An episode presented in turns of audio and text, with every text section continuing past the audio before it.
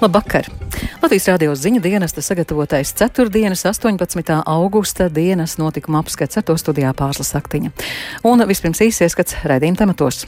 Krievija neatbalsta neitrālu zonu ap Zaporīžas atomelektrostaciju.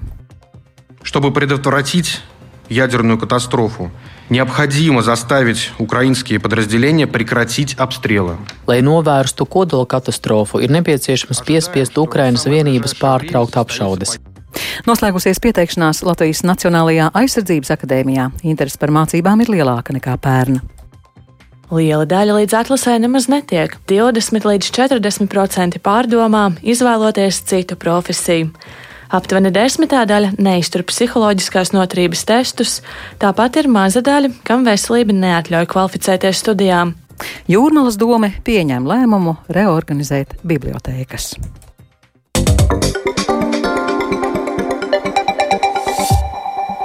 Krievija noraida apvienoto nāciju organizācijas ģenerālsekretāra aicinājumu izveidot ap Zaporīžas atomelektrostaciju demilitarizētu zonu. Turpinot apsūdzēt Ukrainu kodola objektu apšaudīšanā, Krievijas spēku vadība pieļauj, ka Eiropā lielākās atomelektrostacijas darbība pat varētu tikt apturēta. Ukraina savā virzienā izteiktās apsūdzības noraida, aicinot apvienotās nācijas iesaistīties atomelektrostacijas drošības garantēšanā. Vairāk stāstūģis Lībietis. Dienā, kad Ukrainas rietumu pilsētā Ļuvivā uz tikšanos pulcējušies Ukrainas prezidents Valdemirs Zelenskis, Turcijas prezidents Rečeps Tājibs Erdogans un ANO ģenerālsekretārs Antonio Guķereš, vislielāko uzmanību, protams, bija paredzēts pievērst Ukrainas kara diplomātiskā atrisinājuma meklējumiem. Lai arī tika apspriests gan Ukrainas graudu eksports, gan jautājums par Ukraiņu deportāciju uz Krieviju un karagūstekņu atbrīvošanu, tā vien liekas, ka par sarunu centrālo notikumu ir kļuvusi situācija Eiropas lielākajā Zaporīžas atomelektrostācijā stācijā. Tā jau kopš marta atrodas Krievijas iebrucēju kontrolē. Stacijas teritorijā darbojas gan vairāk simti militāru personu, gan Krievijas kompānijas Rosatom darbinieku. Kā uzskata Ukrainas puse, Krievija pašlaik izmanto Zaporīžas atomelektrostaciju kā radioaktīvo vairogu, lai šantažētu rietumu valstis. Un šāda šantāža šodien uzbangojas ar jaunu spāru. Lielu satraukumu ir izraisījis Krievijas iebrucēju ģenerāla leitnanta Igora Kirilo paziņojums, ka varētu uz tā dēvēto augsto režīmu pārslēgt Zaporižas atomelektrostacijas 5. un 6. energobloku, kas faktiski nozīmētu atomelektrostacijas darbības pārtraukšanu. Kirilovs uzsvērs, ka stacijas darbība tiks apturēta tad, ja situācija attīstīsies negatīvi un turpināsies Ukrainas īstenotā stacijas apšaudīšana. Krievijas aizsardzības ministrija savukārt pat apgalvo, ka tās rīcībā ir informācija par it kā plānoto provokāciju un Zaporīžas atomelektrostacijas apšaudu tieši Antonio Guķiereša vizītes laikā. Šeit gan jānorāda, ka tieši Antonio Guķierešs ir aicinājis apturēt uzbrukumu Zaporīžas atomelektrostacijai, jo šāds uzbrukums būtu pašnāvniecisks. ANO ģenerālsekretārs arī bija aicinājis izveidot ap staciju demilitarizētu zonu un nosūtīt turienes starptautiskās atomenerģijas aģentūras ekspertus. Taču Krievijas ārlietu ārlietu ministrijas preses sekretāra vietnieks Imants Ņečājevs šodien Maskavai ierastajā ciniskajā retorikā šādu ANO ģenerālsekretāra iniciatīvu noraidīja. Un lūk, fragments no viņa teiktā. Чтобы предотвратить ядерную катастрофу, необходимо заставить украинские подразделения прекратить обстрелы. Lai novērstu kodola katastrofu, ir nepieciešams piespiest Ukrainas vienības pārtraukt apšaudes. Mēs sagaidām, ka Startautiskās atomenerģijas aģentūras eksperti apmeklēs Zoporīžijas atomelektrostaciju jau vistuvākajā nākotnē. Vienošanās par šādu braucienu tika panākta jau jūnijā, taču pēc tam tai traucēja ANO sekretariāts. Ekspertiem ir jāredz Kijivas režīma kriminālā uzvedība. Kijava ir daudzkārt demonstrējusi savas spējas pabeigt provokācijas un nespēju kontrolēt nacionālistu vienības. Tāpēc mums nav pieņemams ierosinājums izveidot ap Zaporīžas atomelektrostāciju demilitarizēto zonu. Šāda iniciatīva padarīs stāciju vēl ievainojamāku. Их реализация сделает станцию еще более уязвимой. Iepriekš apvienoto nāciju organizācijas sekretariāts Krievijas apsūdzības par kodola ekspertu vizītes it kā kavēšanu jau bija noraidījuši kā nepamatot.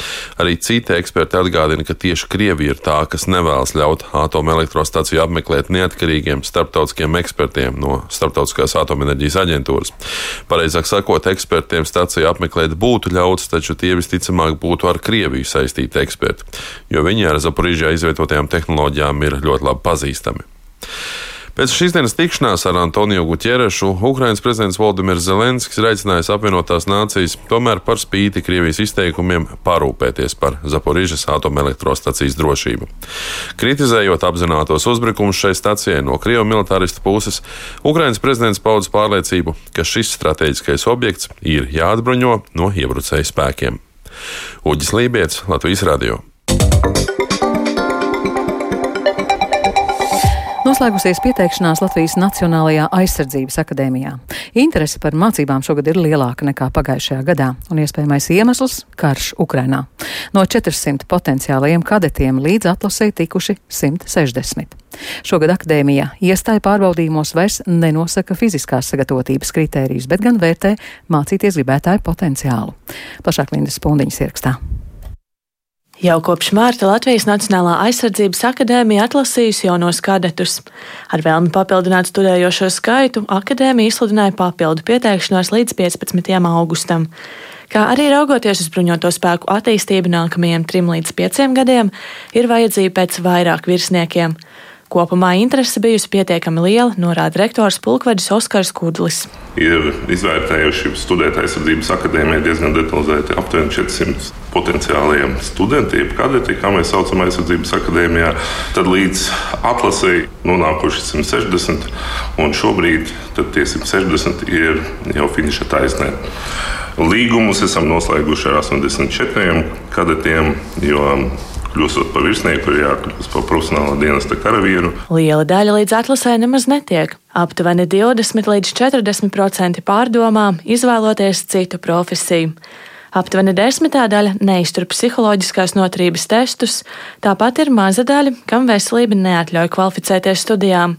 Atlasē pārbauda topošā kadeta atbilstību dienestam, veselības stāvokli, psiholoģisko noturību, lojalitāti valstī un akadēmiskās zināšanas. Ņemot vērā arī pandēmijas lielo periodu, kas kopumā nosaka to, ka ir vāja fiziskā sagatavotība, ir nav bijusi aktīva fiziskā slodze jauniešiem.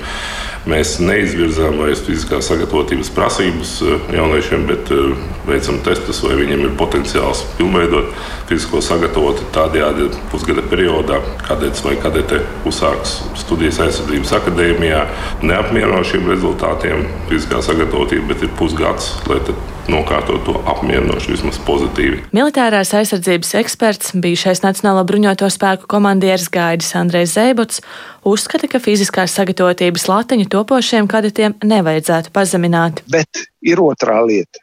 Mēs dzīvojam ne bezgaisa telpā. Mēs dzīvojam sabiedrībā, un mums jāņem vērā ir arī tās lietas, kas notiek mums apkārt, un kāds ir tas kontingents, ko mēs varam izmantot. Nu, daudz jau sacīs, šodien kauja, kara darbības vadība ir balstīta uz tehniku, podziņām, un nav šis fiziskais vajadzīgs. Es īsti tam nepiekrītu jo morālā sagatavotība, un viņa ir ļoti atkarīga arī no šīs fiziskās sagatavotības. Te būtu mums jāpiestrādā valsts vadībai, mums jāpiestrādā pie mūsu medicīnas un e, bērnu dārziem, un tas ir tas mūsu visas valsts kopējais uzdevums. Zēbats teica, ka akadēmija sagatavo labus jaunos virsniekus, un sekmes kaujas laukā atkarīgas no sagatavota virsnieka. Topošo kadetu atlase noslēgsies augusta beigās, kam sekos pamatapmācības, savukārt februārī studijas. Mācību laikā aptuveni 20 līdz 35% studentu atstāja akadēmiju. Interese par studijām šogad bijusi lielāka salīdzinot ar pagājušo gadu. Akadēmijas rektors uzskata, ka pieprasījuma palielinājumi varētu ietekmēt karš Ukrainā, kā arī iepriekšējā saskara ar militāro vidi - zemesardze, rezerves karavīru apmācības, jaunsardze. Linda Spundiņa, Latvijas radio. Jaunajā mācību gadā izglītības process pēc jaunākas metodikas sāks vairāk klašu skolēni. Līdztekus gatavojas pakāpeniskai pārējai uz mācībām latviešu valodā un iespējamai mācību gada pagarināšanai.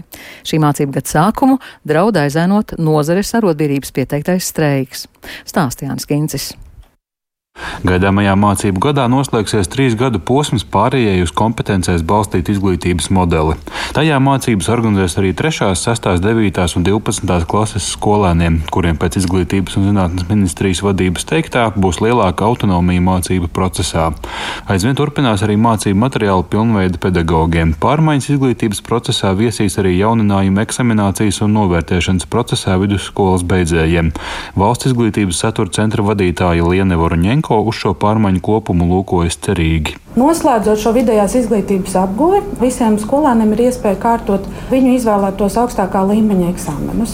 Starp šiem eksāmeniem ir arī tādi pilnīgi jauni eksāmeni, kā programmēšana, dizains un tehnoloģijas, kas šobrīd liek domāt, ka mēs spēsim nodrošināt pasaules mērogam atbilstošus eksāmenu satura piedāvājumus arī mūsu jauniešiem. Šodien Izglītības un zinātnes ministrija nodos sabiedriskajai apspriešanai ieceri par skolēnu mācību gada pagarināšanu no 2024. un 2025. mācību gada. Tas paredzētu mācību gadu turpināt līdz Jāņiem ar trīs nedēļas ilgu ziemas brīvlaiku un divas nedēļas garām pavasara brīvdienām. Šāda pieeja ļautu izlīdzināt pedagoģu un skolēnu noslodzi un dotu audzēkņiem plašākas iespējas izglītojošiem procesiem ārpus mācību klases. Šis modelis atbilst rietumvalstu pieredzēji, klāstīja izglītības un zinātnes ministre Anita Mužniec no konservatīvajiem. Līdztekus nozars ministrija turpina programmas izveidi pārējai uz izglītību tikai latviešu valodā. Turpina ministre. Tā ir mūsu iespēja labot sistēmu, kurā bērni līdz šim ir tikuši šķiroti pēc ģimenē lietotās valodas jau pavisam drīz, 2025. gadā, mācīsies vienoti pēc viena standarta valsts valodā. No 1. septembra spēkā stājas jaunais pedagoģu darba samaksas dotāciju aprēķins un sadales modelis. Tam dots nosaukums skolēns pašvaldībā. Modelis vērsts uz papildus finansējumu sadali pašvaldībām ar sakārtotu izglītības iestāžu tīklu novadā, atgādināja ministre. Sparot šo pirmo soli, mūsu mērķis nebija ikvienam būtiski paaugstināt algu ar tādu lielu izrāvienu, bet uh, sakārtot sistēmu. Bija mērķis radīt taisnīgu atalgojumu sistēmu, kur katrs uh, skolotājs par līdzvērtīgu darbu saņem līdzvērtīgu atalgojumu. Nav noslēpums, ka mums šobrīd ir ārkārtīgi milzīgas atšķirības starp uh, skolotāju atalgojumu, kur uh, vienā izglītības iestādē skolotājs saņem minimālu noteikto likmi un uh, kādā citā izglītības iestādē tā ir pat divas ar pus reizes lielāka. Atalgojuma jautājumu ierasti ir iemesls nozares ministrijas viedokļa atšķirībām ar Latvijas izglītības un zinātnes darbinieku arotbiedrību. Tā nav viensprāts ar ministriju par valsts budžeta mērķa dotācijas sadales maiņu. To pārvirzīs no skolām uz pašvaldībām. Modeli nemainot, arotbiedrība paziņojas par beztermiņa streika rīkošanu no 19. septembra. Nozares ministra arotbiedrības paziņojumu vērtē ar izpratni, tomēr raksturo skarbi. Laikā, kad uh, Mums uh, ir arī dažādi ģeopolitiskie notikumi, kad sabiedrība ir divus gadus nogurdināta, dzīvojusi Covid apstākļos, kad mums draudz skarba ziema, augsti rēķini. Manā ieskatā tieši šobrīd streikot papildus noslogot tos skolotājus, kur izvēlēsies pildīt savus darba pienākumus, manuprāt, nav īsti atbildīgi pret valsti. Vienlaikus, lai mazinātu bažas par nepieciešamo lietu sagādu sociāli mazāk nodrošinātām ģimenēm, arī šogad vecāku organizācija mamām un tētiem rīko akciju, lai palīdzētu sagatavoties skolai. Palīdzību iespējams sniegt jau šobrīd, stāsta organizācijas vadītāja Inga Akmentiņa Smildziņa. Tas aicinājums ir lielveikalos Akropola nopirkt kaut vai dažas pildspalvas kaut vai kādu zīmēšanas bloku vai burtnīcu, ja kāds var, protams, arī mugursomu. Nu, viss, kas ir vajadzīgs tieši skolai no tādām, nu, kancelēs tādu preču skatījuma. Katru gadu runa ir par vairākiem simtiem ģimeņu un uh, nāk šajā gadā klāt Ukrainas bēgļu ģimenes, kur daļai arī ir nepieciešams kāds atbalsts tieši skolas lietu. Šajā mācību gadā ierobežojums Covid-19 izplatības dēļ neplāno. Skolām būs nodrošināti paštestu Covid konstatēšanai, vienlaikus skolu vadība varēs lemt par individuāliem aizsardzības pasākumiem. Jānis Kincis, Latvijas Radio. Vācija pieņēmusi lēmumu uz laiku samazināt pievienotās vērtības nodokli gāzei. Kā paziņojis Vācijas kanclers Olafs Šolts, šāds solis tiek spēc, lai mazinātu patērētāju rēķinus par dabas gāzi, laikā, kad arvien asāk ir izjūtams Krievijas energoresursu trūkums. Stāstoģis Lībētis. Pievienotās vērtības nodoklis gāzei Vācijā pašlaik ir 19%, un to ir paredzēts samazināt līdz 7%. Kā norādījis Vācijas kanclers Olafs Šolts, jaunie atvieglojumi būs spēkā vismaz līdz 24. gada 31. martam.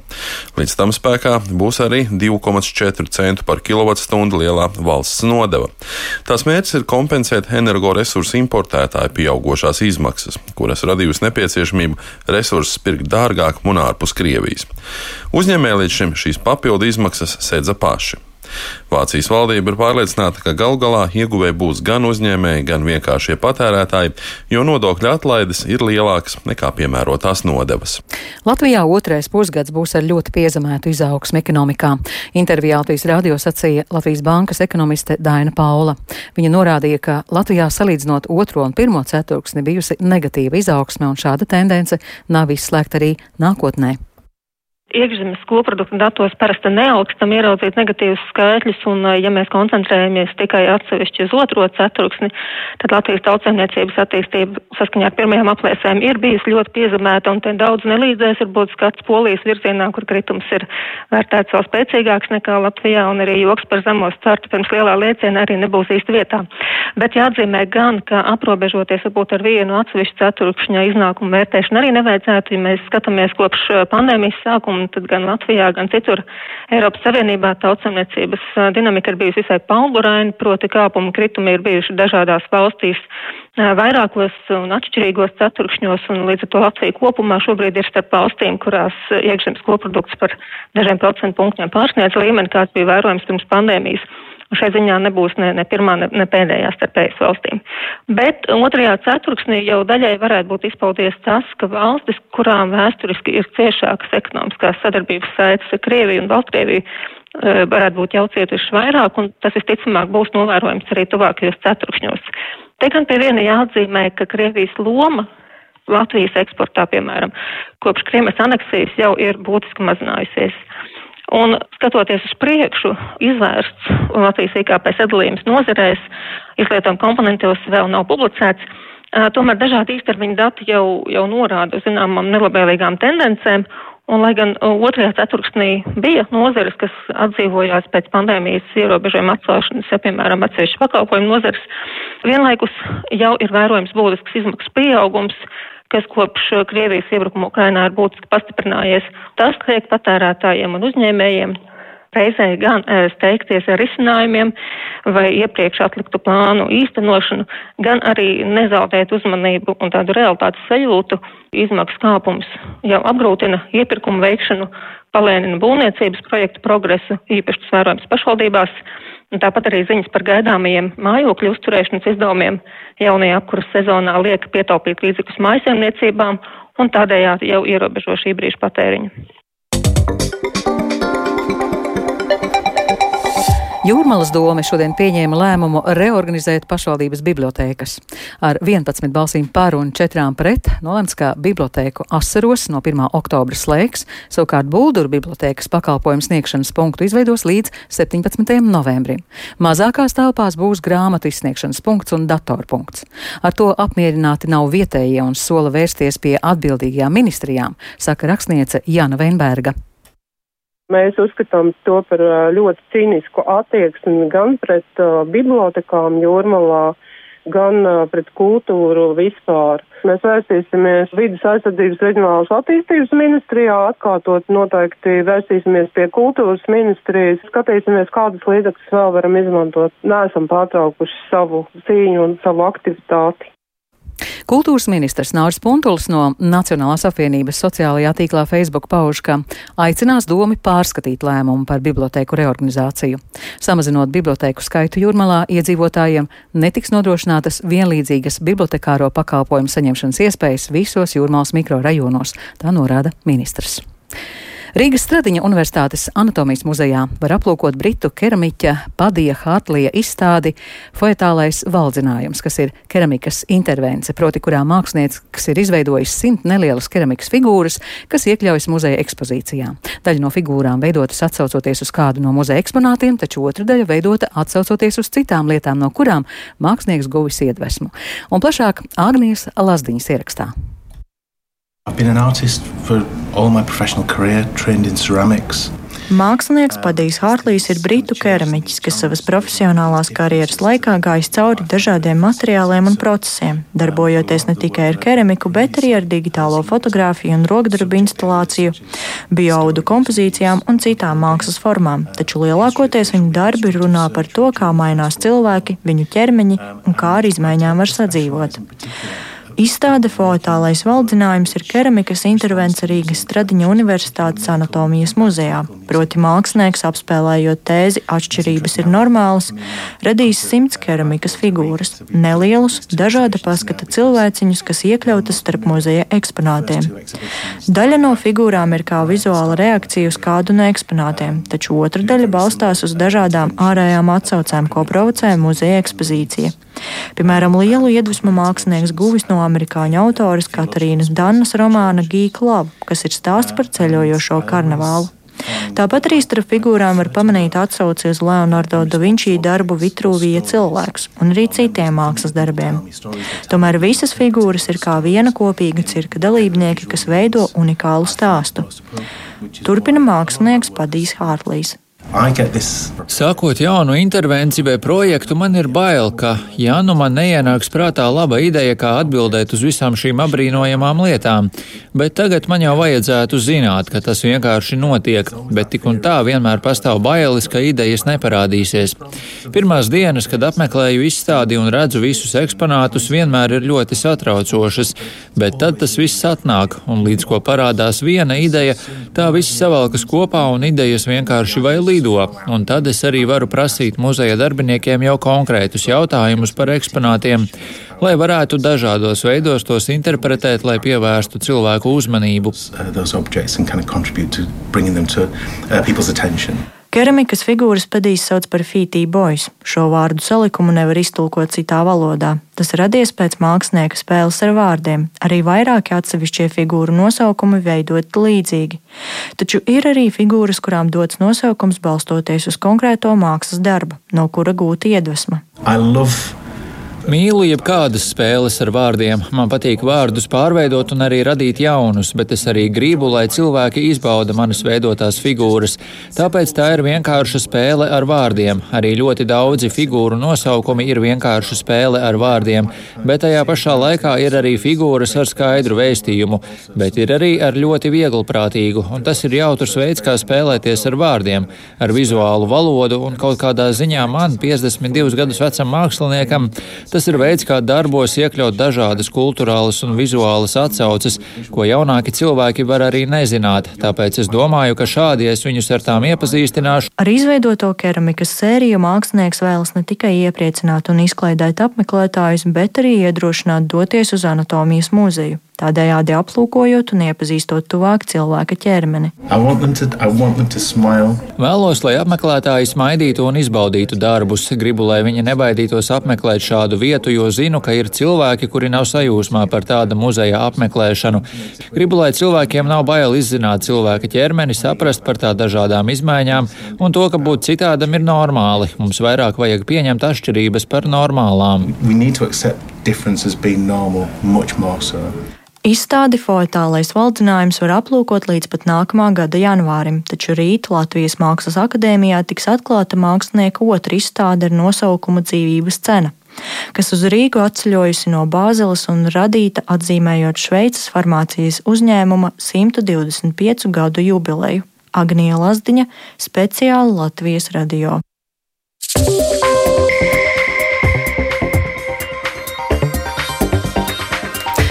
To izskan dienas notikuma apskats. Producents Viktors Pupiks ierakstus montēja Renāša Steimanis, par labskaņu rūpējās Katrīna Bramberga.